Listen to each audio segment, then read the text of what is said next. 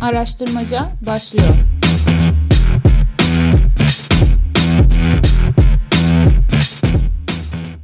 Merhaba tekrar. Podcast programımızın ikinci bölümüyle karşınızdayız. Yunus Erduran ben, Müge Bakioğlu ve Dilek İçten'le beraber konuşuyoruz.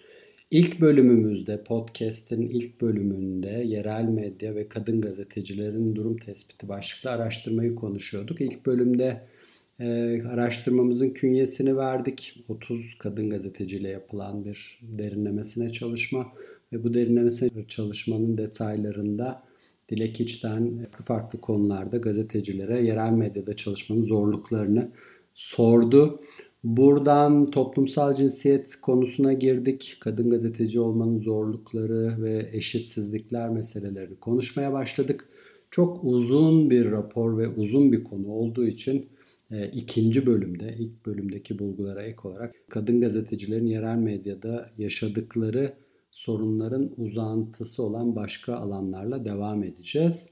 Ve programın sonunda da, hmm, sonuna doğru da ee, bu peki bunları çözmek için neler yapabiliriz? Bunlara odaklanacağız.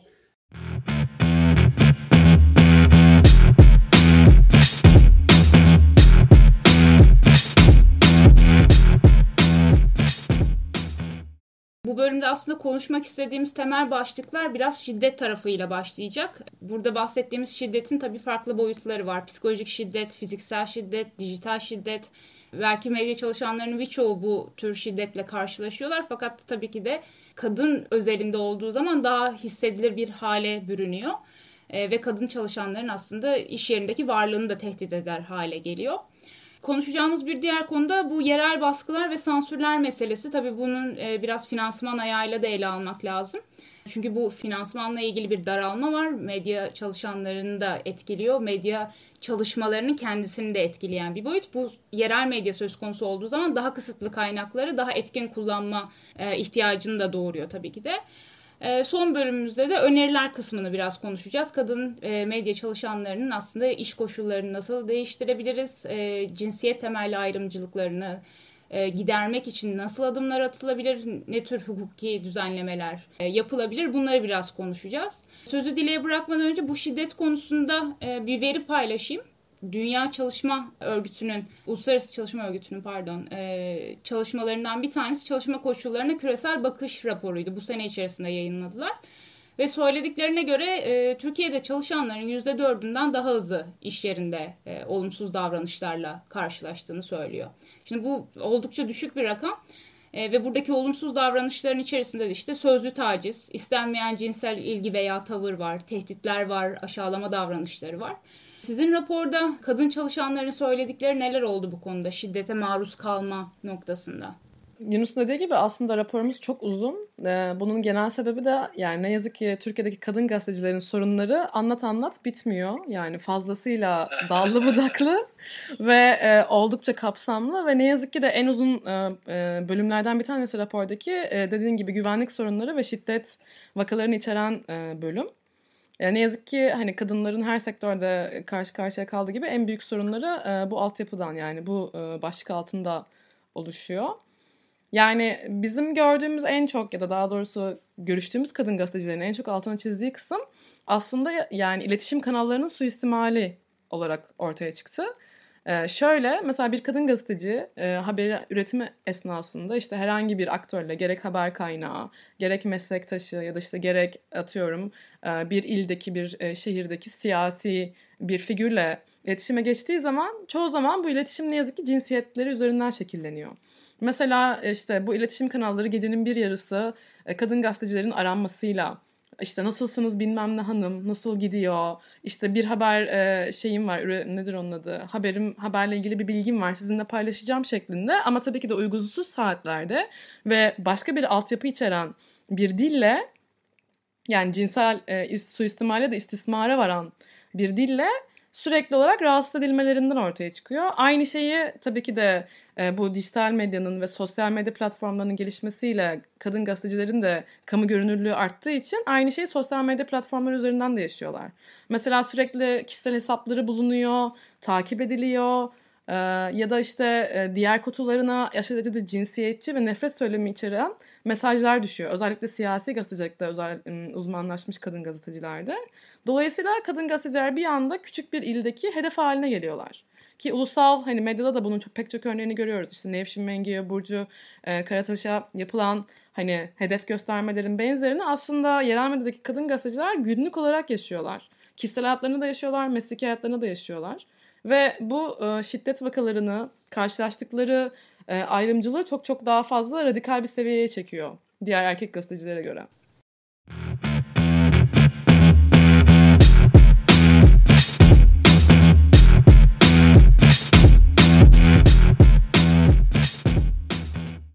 Aslında birkaç gün önce Burcu'nun, Burcu Karakaş'ın uğradığı ve tabii ki onlarca kadın gazetecinin uğradığı farklı şiddet taciz türlerinin yerel medya versiyonlarının biraz daha Kırın ve Taşra'nın özelliklerini de içerdiğini düşünüyorum.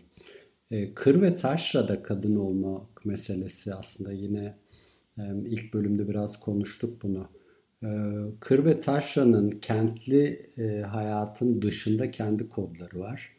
Dolayısıyla orada bir mesleği yapmak yani aynı mesleği kırda yapmak ve kentte yapmak arasındaki farklar çeşitli yerlerde kendisini farklı farklılaştırarak tezahür ediyor. Bu şiddet konusunda da aynı.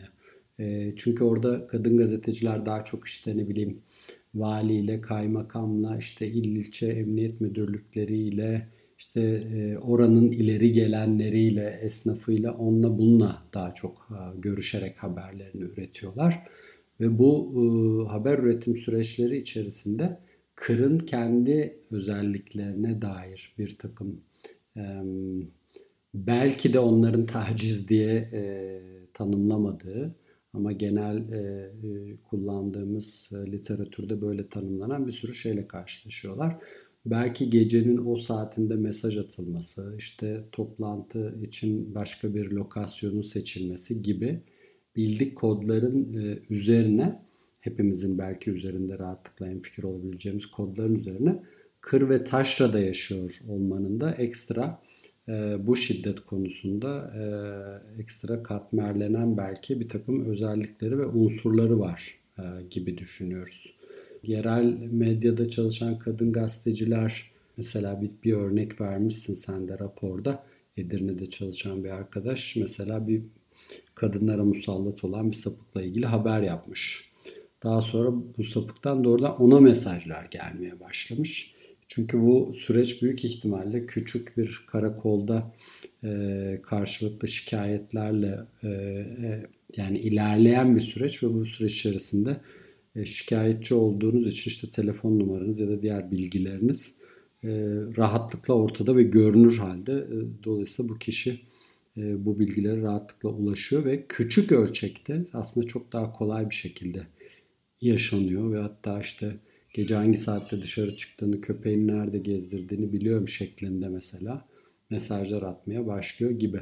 E, bunun e, taşra versiyonlarını konuşuyoruz ve bence konunun önemini taşra özelinde farklılaştırıyor. Çünkü taşrada daha küçük olmasından, ölçek olarak daha küçük olmasından hareketle hareket alanınız daha kısıtlı. Gidebileceğiniz yer, şikayet edebileceğiniz merciler, işte herkesin birbirini tanıyor olması gibi Bence kentli ya da ulusal medyada ya da uluslararası medyada çalışan kadın gazetecilere göre kadın gazetecileri e, biraz daha sıkıştırıyor ve biraz daha dar bir alana hapsediyor e, gibi e, düşünüyorum. Bilmiyorum Dilek doğrular mı bunu? En azından hani güvenlik tehditleri ve işte cinsel şiddet bakımından en çok gözlemlediğim nokta zaten buydu. Hani ulusal yerel arasındaki temel farklılık ne yazık ki yerelde e, gazetecilerin genel olarak ya da medya kurumlarının ulaşılabilirliğinin çok fazla olması. Yani yerel vatandaş ya da ABC kişisi çok kolay bir şekilde hangi e, kurumun yerini, işte gazetecinin kimliğini, nerede yaşadığını ya da kişisel hayatına dair bilgilere çok rahat ulaşılabiliyor, ulaşabiliyor.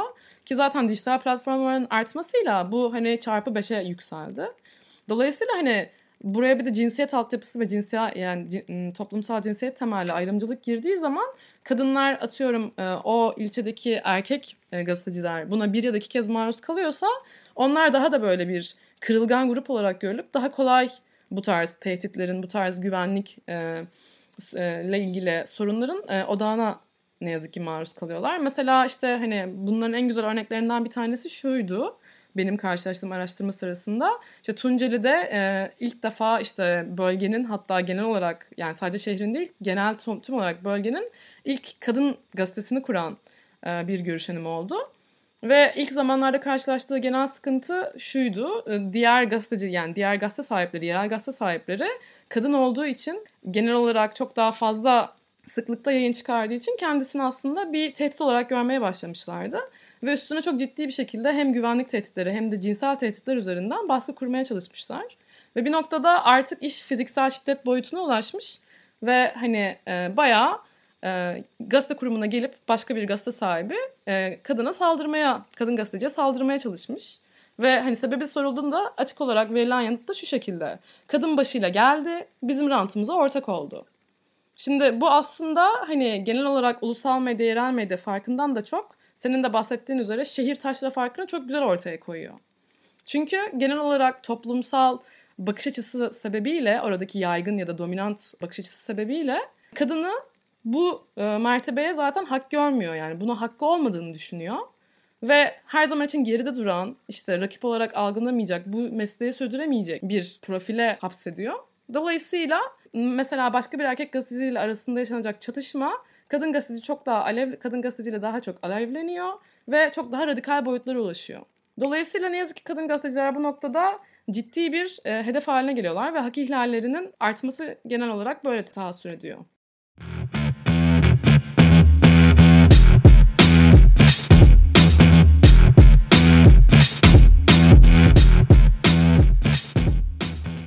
Aslında psikolojik şiddet tarafı da var. Şimdi şu ana kadar biraz fiziksel şiddet, dijital şiddet üzerinden konuştuk. Bunlar daha görünür tarafı meselenin. E, fakat bu psikolojik şiddet özellikle iş yerinin içerisindeki psikolojik şiddet ve mobbing daha az görünür ve daha az bilinir bir konuyu. Son yıllarda evet kadına yönelik şiddet her boyutuyla kamuoyunda daha fazla tartışılıyor. İşte kadın platformlarının buradaki etkisi çok yüksek ya da e, özellikle ev içi şiddet e, sonrasında açılan davalar e, kamuoyunda ciddi bir destek görüyor. Fakat iş yerindeki e, şiddetin türlerinin ya da yapılan bir davranışın, hareketin e, veya söylemin bir şiddet içerdiğine dair çok fazla bir bilgi, farkındalık yok gibi. Bununla ilgili bulgularınız var mı? E, bununla ilgili mesela beni şaşırtan şöyle bir bulguya ben eriştim hani yerel medyada. Kadın gazeteciler genel olarak e, erkek meslektaşlarından daha fazla mesela e, kadın meslektaşlarından yani hem cinslerinden aslında daha fazla mobbing vakasıyla karşılaştıklarını ifade ettiler. Bu mesela hani Bella Çağ'dan beni oldukça şaşırtan bir gelişmeydi. Çünkü özellikle Taşra'da baktığınız zaman hani erkek egemenliğinin daha fazla yansıyacağını beklersiniz bu tarz iş ilişkilerinde. Lakin mesela çoğu gerçekten hani kadın meslektaşlarının kendine daha çok mobbing uyguladığı, aşağılama ya da işte atıyorum önünü kesme gibi belli eğilimler içerisinde olduğunu ifade ettiler. Ama hani aslında genel hani cinsiyet düzlemi içerisinde baktığımız zaman bu eğilimin de ataerkil e, düzenin ya da işte e, güç ilişkilerinin bir sonucu olduğunu da görüyoruz. Neden? Çünkü hani kadınlar genel olarak özellikle de medya sektöründe var olma savaşı verdikleri için e, hemcinslerini direkt olarak rakip olarak algılama e, mentalitesine girebiliyorlar çoğu zaman. Yani aslında işte ikisi de ezilen tarafta ve işte bastırılan tarafta olmasına rağmen bu baskının içerisinden nasıl kaçacağını ve nasıl e, bununla başa çıkacağını birlikte ya da işbirliği üzerinden, dayanışma üzerinden yapmak yerine diğerini de daha fazla baskılayarak ve kendi yukarı çıkarak algılayabiliyorlar. Ve bu da net olarak aslında yani pek çok işte o dönemdeki e, araştırma sırasındaki görüşenimin de belirttiği gibi yani ataerkilerin içselleştirilmiş ve hani kadının artık bir toplumsal cinsiyet kodu, yaşam kodu haline geldiği e, bir e, şeyi dinamiği aslında işaret ediyor.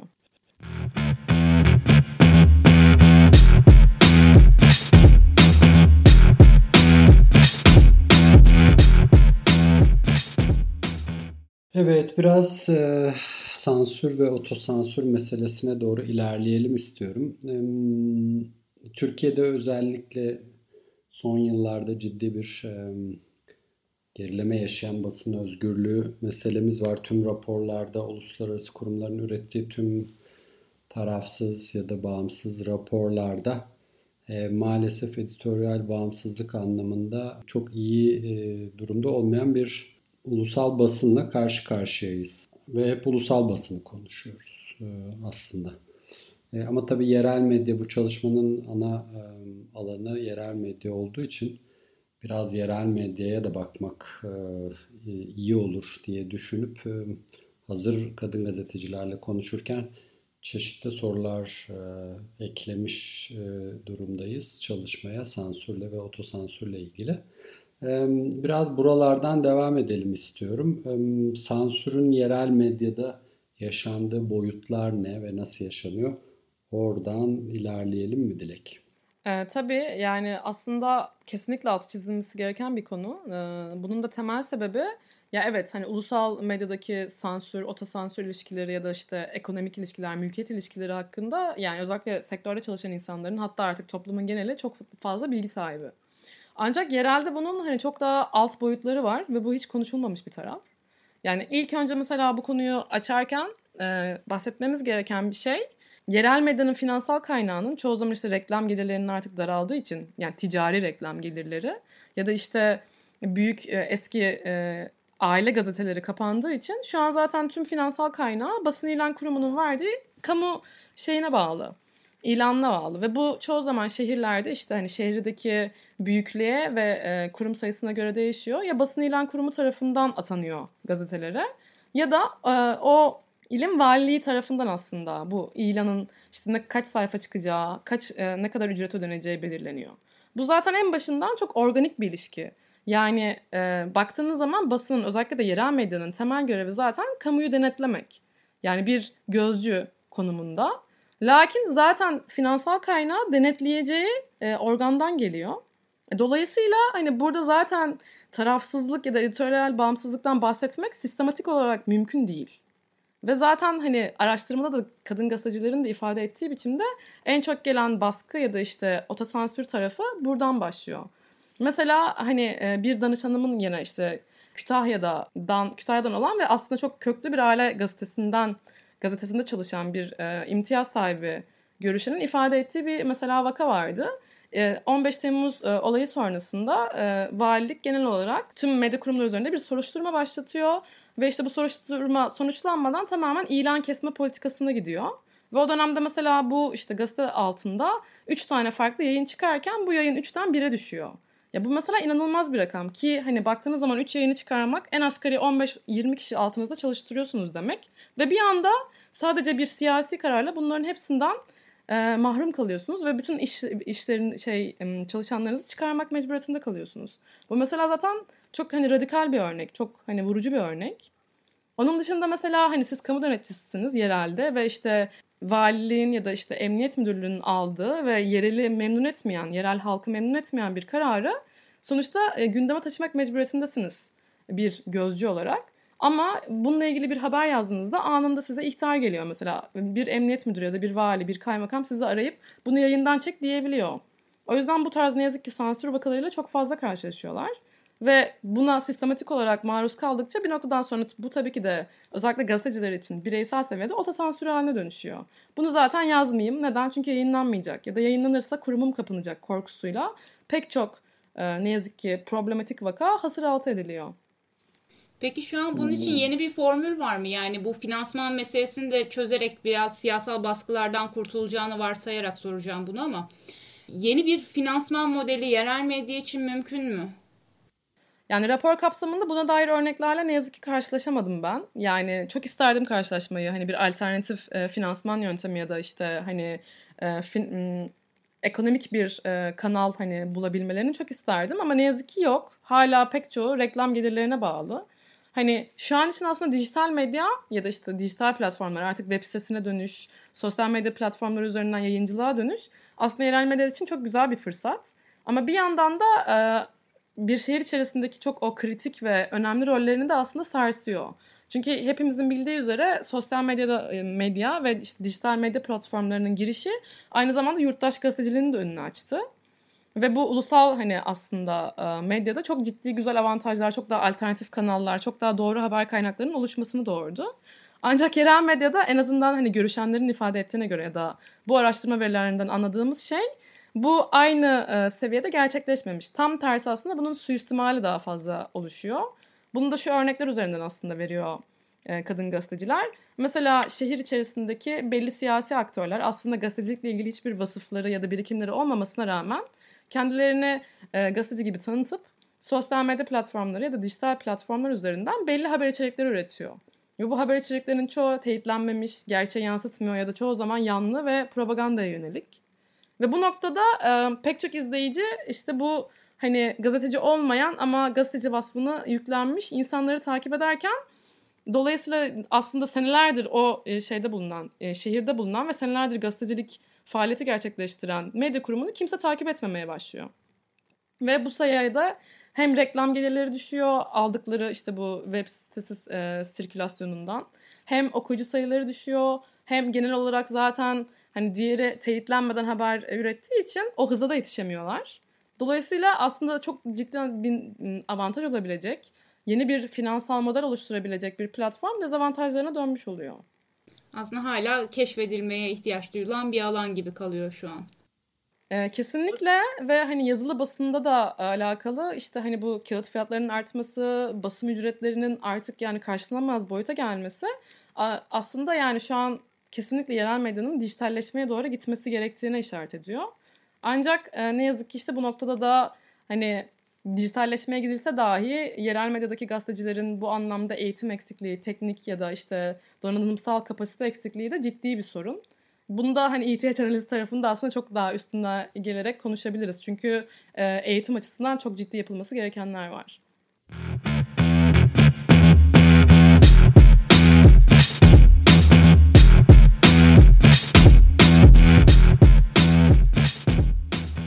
Buradan o zaman öneriler kısmına geçelim. Şimdi önce hem rapordan dikkatimi çeken bir konuyla başlamak istiyorum. Sonrasında senin önerileri e, yönelik görüşlerini, bulgularınızı paylaşmanı isteyeceğim.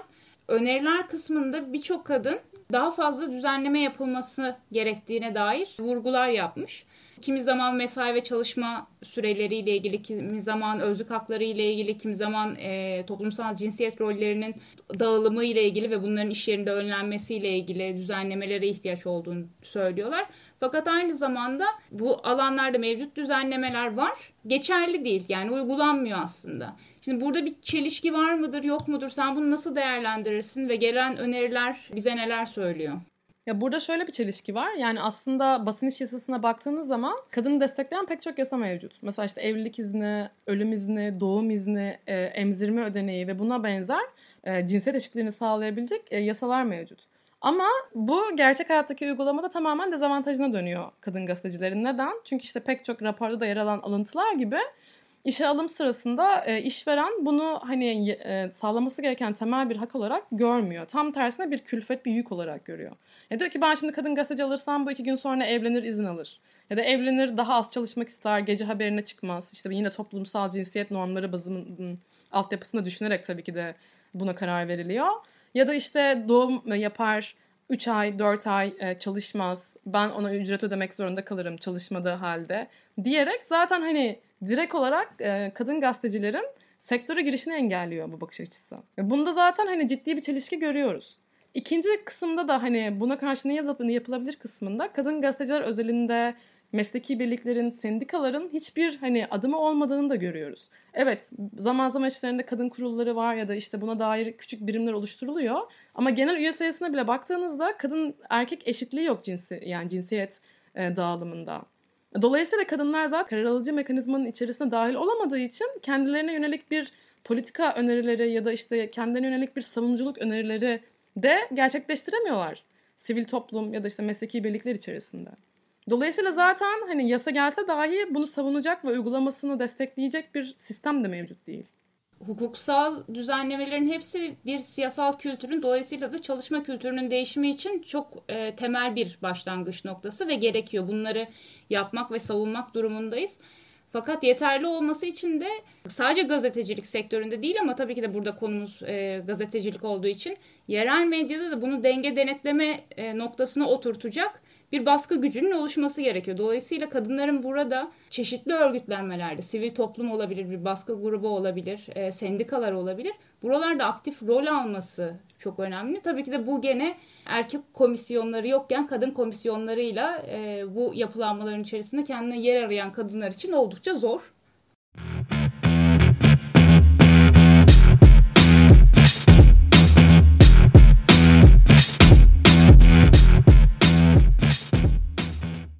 Evet, e, yerel medyadaki meselelerin genel olarak tespiti ve e, genel olarak çözümleri aslında e, ulusal medyadan yapılan tartışmalardan çok farklı değil.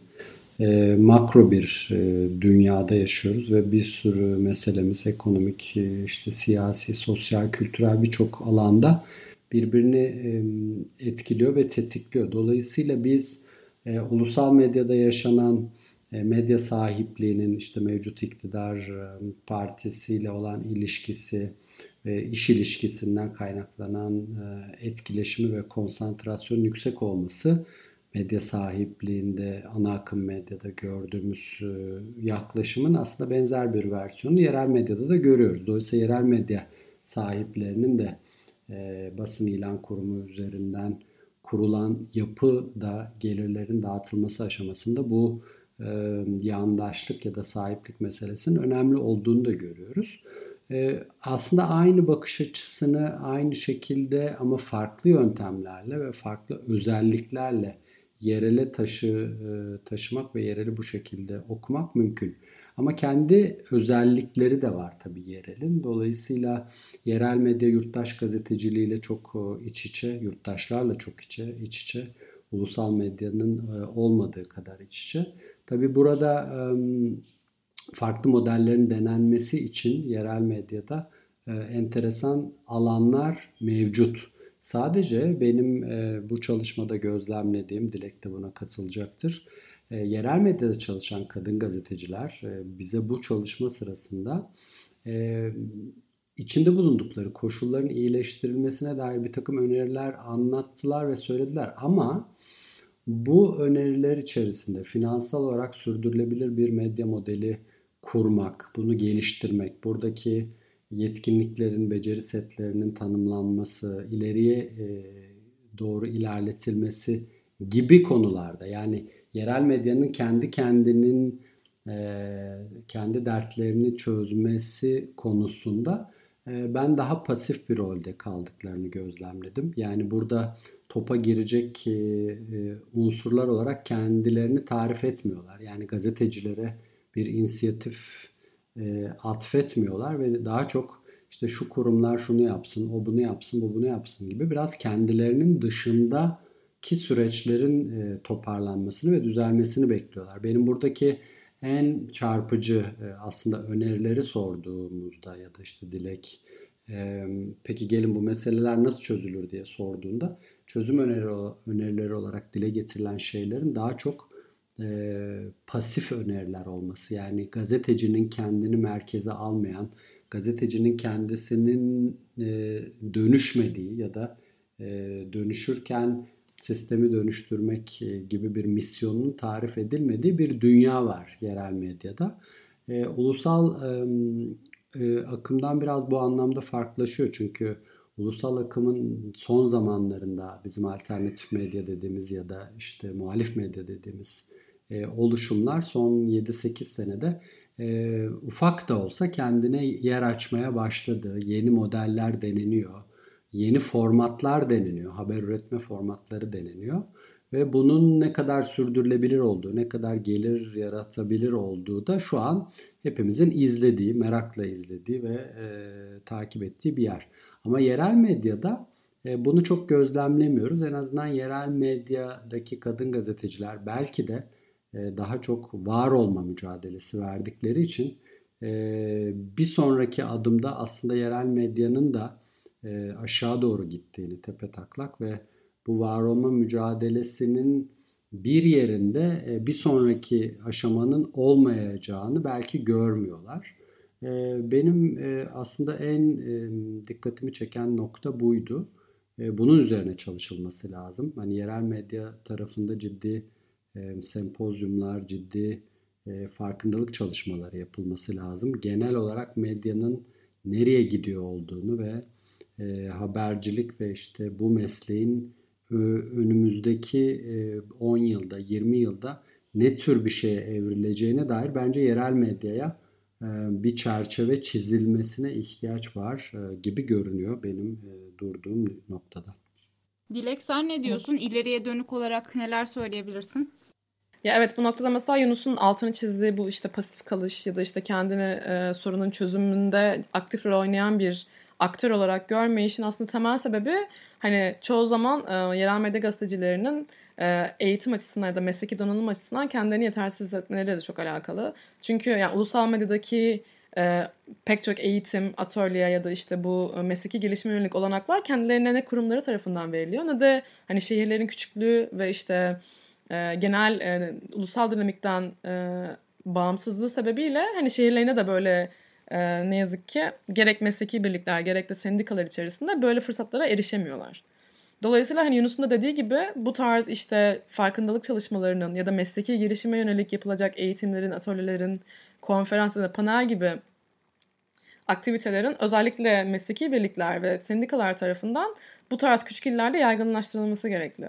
Yani şunu düşünün mesela işte Konya'dan örnek verelim ya da yine yerel medya açısından çok aktif olan e, bir şehir Eskişehir'den örnek verelim.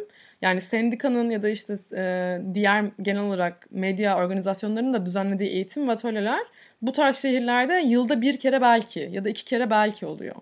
Ya da mesela pek çok düzenlenen bu alandaki eğitim serileri genelde ulusal medya çalışanlarını hedef alıyor ya da Ankara, İzmir, İstanbul'da çalışan gazetecileri hedef alıyor. Ve bu tarz küçük illerden katılım genelde çok az oluyor. Dolayısıyla hani bu alanda ciddi bir e, ihtiyaç var ve bunun da gerekli e, organizasyonlar tarafından göz önüne alınıp e, arttırılması gerekli. İkinci bir noktada hani burada şeye çevireceğim e, birazcık daha. E, belki senin de soracağın üzere Müge. Hani kadınlar, kadın gazeteciler özelinde bunu nasıl ele almalıyız? Bence şu açıdan ele almalıyız. E, çok basit bir aslında bunun tanımı var. Bir kadın gazeteci olarak gerek yerel medyada ya da gerek ulusal medyada bir hak ihlaline uğradığınız zaman gideceğiniz hiçbir sektörel mekanizma yok. Ya buna hani kurum içi mekanizmanız da dahil. Gidebileceğiniz tek yer gerçekten kolluk kuvvetleri ya da yasa. Ama buna e, yani pek çoğumuz zaten ne yazık ki Türkiye'de yaşayan kadınlar olarak buna zaten güvenmiyoruz. Burada zaten sorunlarımızı çoğu zaman çözemiyoruz. Ya da bir koruma mekanizması, bir destek mekanizması elde edemiyoruz. Ve sektör içerisinde de böyle bir mekanizma olmadığı zaman sadece ulusal işte böyle kolluk kuvvetine şuna buna mekanizmalara mecbur kaldığınızda tamamen zaten çaresiz kalıyorsunuz. O yüzden altını çizmek istediğimiz en büyük ihtiyaç bu raporda bu sektörel mekanizmaların, kurulların, gerekirse komisyonların kurulması gerekli tamamen. Doğru. Ee, belki işte ben biraz daha şey bakıyorum bu konuda. Yani bireysel inisiyatiflerin ve işte dayanışma topluluklarının da önemi birçok kadın gazetecinin kendi arasında e, ulusal e, medyada çalışan gazetecilerin bu tarz dayanışma ağlarını çeşitli sosyal medya gruplarıyla ya da mail gruplarıyla kurduklarını biliyoruz. Bunun farklı versiyonlarını belki yerel medyada denemek e, lazım. En azından insanların birbirinden haberdar olması ve başlarına gelenleri birbiriyle paylaşması için. Tabii ki kurumsal yapılara ihtiyaç var ama kurumsal yapıların o, o ihtiyacı görmesi, anlaması, ona uygun mekanizmalar üretmesi bir süreç. Onun için ben hep şeyden bakıyorum. Hani biz bizim bir şeyler yapıp başlatmamız lazım. Sonrasında onun farklı kurumsal yapılarla nasıl buluşacağının, ne tür ortaklıklar yaparak bu mekanizmaları birlikte üreteceğimize bakarız gibi bir yerden daha hızlı yürünebilir gibi düşünüyorum.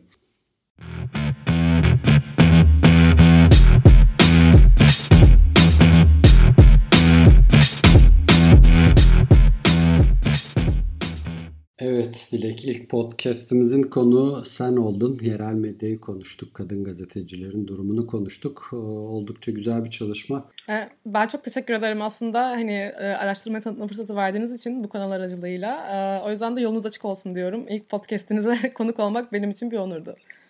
Bir sonraki aşamasında bu çalışmanın Türkiye genelinde daha kantitatif çalışmaya döneceği planları olduğunu da biliyoruz. En azından ben de projenin içerisindeki bir araştırmacı olarak bunu söyleyebilirim.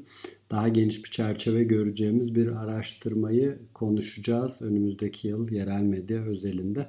Bunun da haberini şimdiden buradan vermiş olalım. Herkese teşekkür edelim. Bir sonraki araştırmamızda görüşmek üzere. Kendinize iyi bakın. Hoşçakalın. Teşekkürler. Hoşçakalın. Hoşçakalın.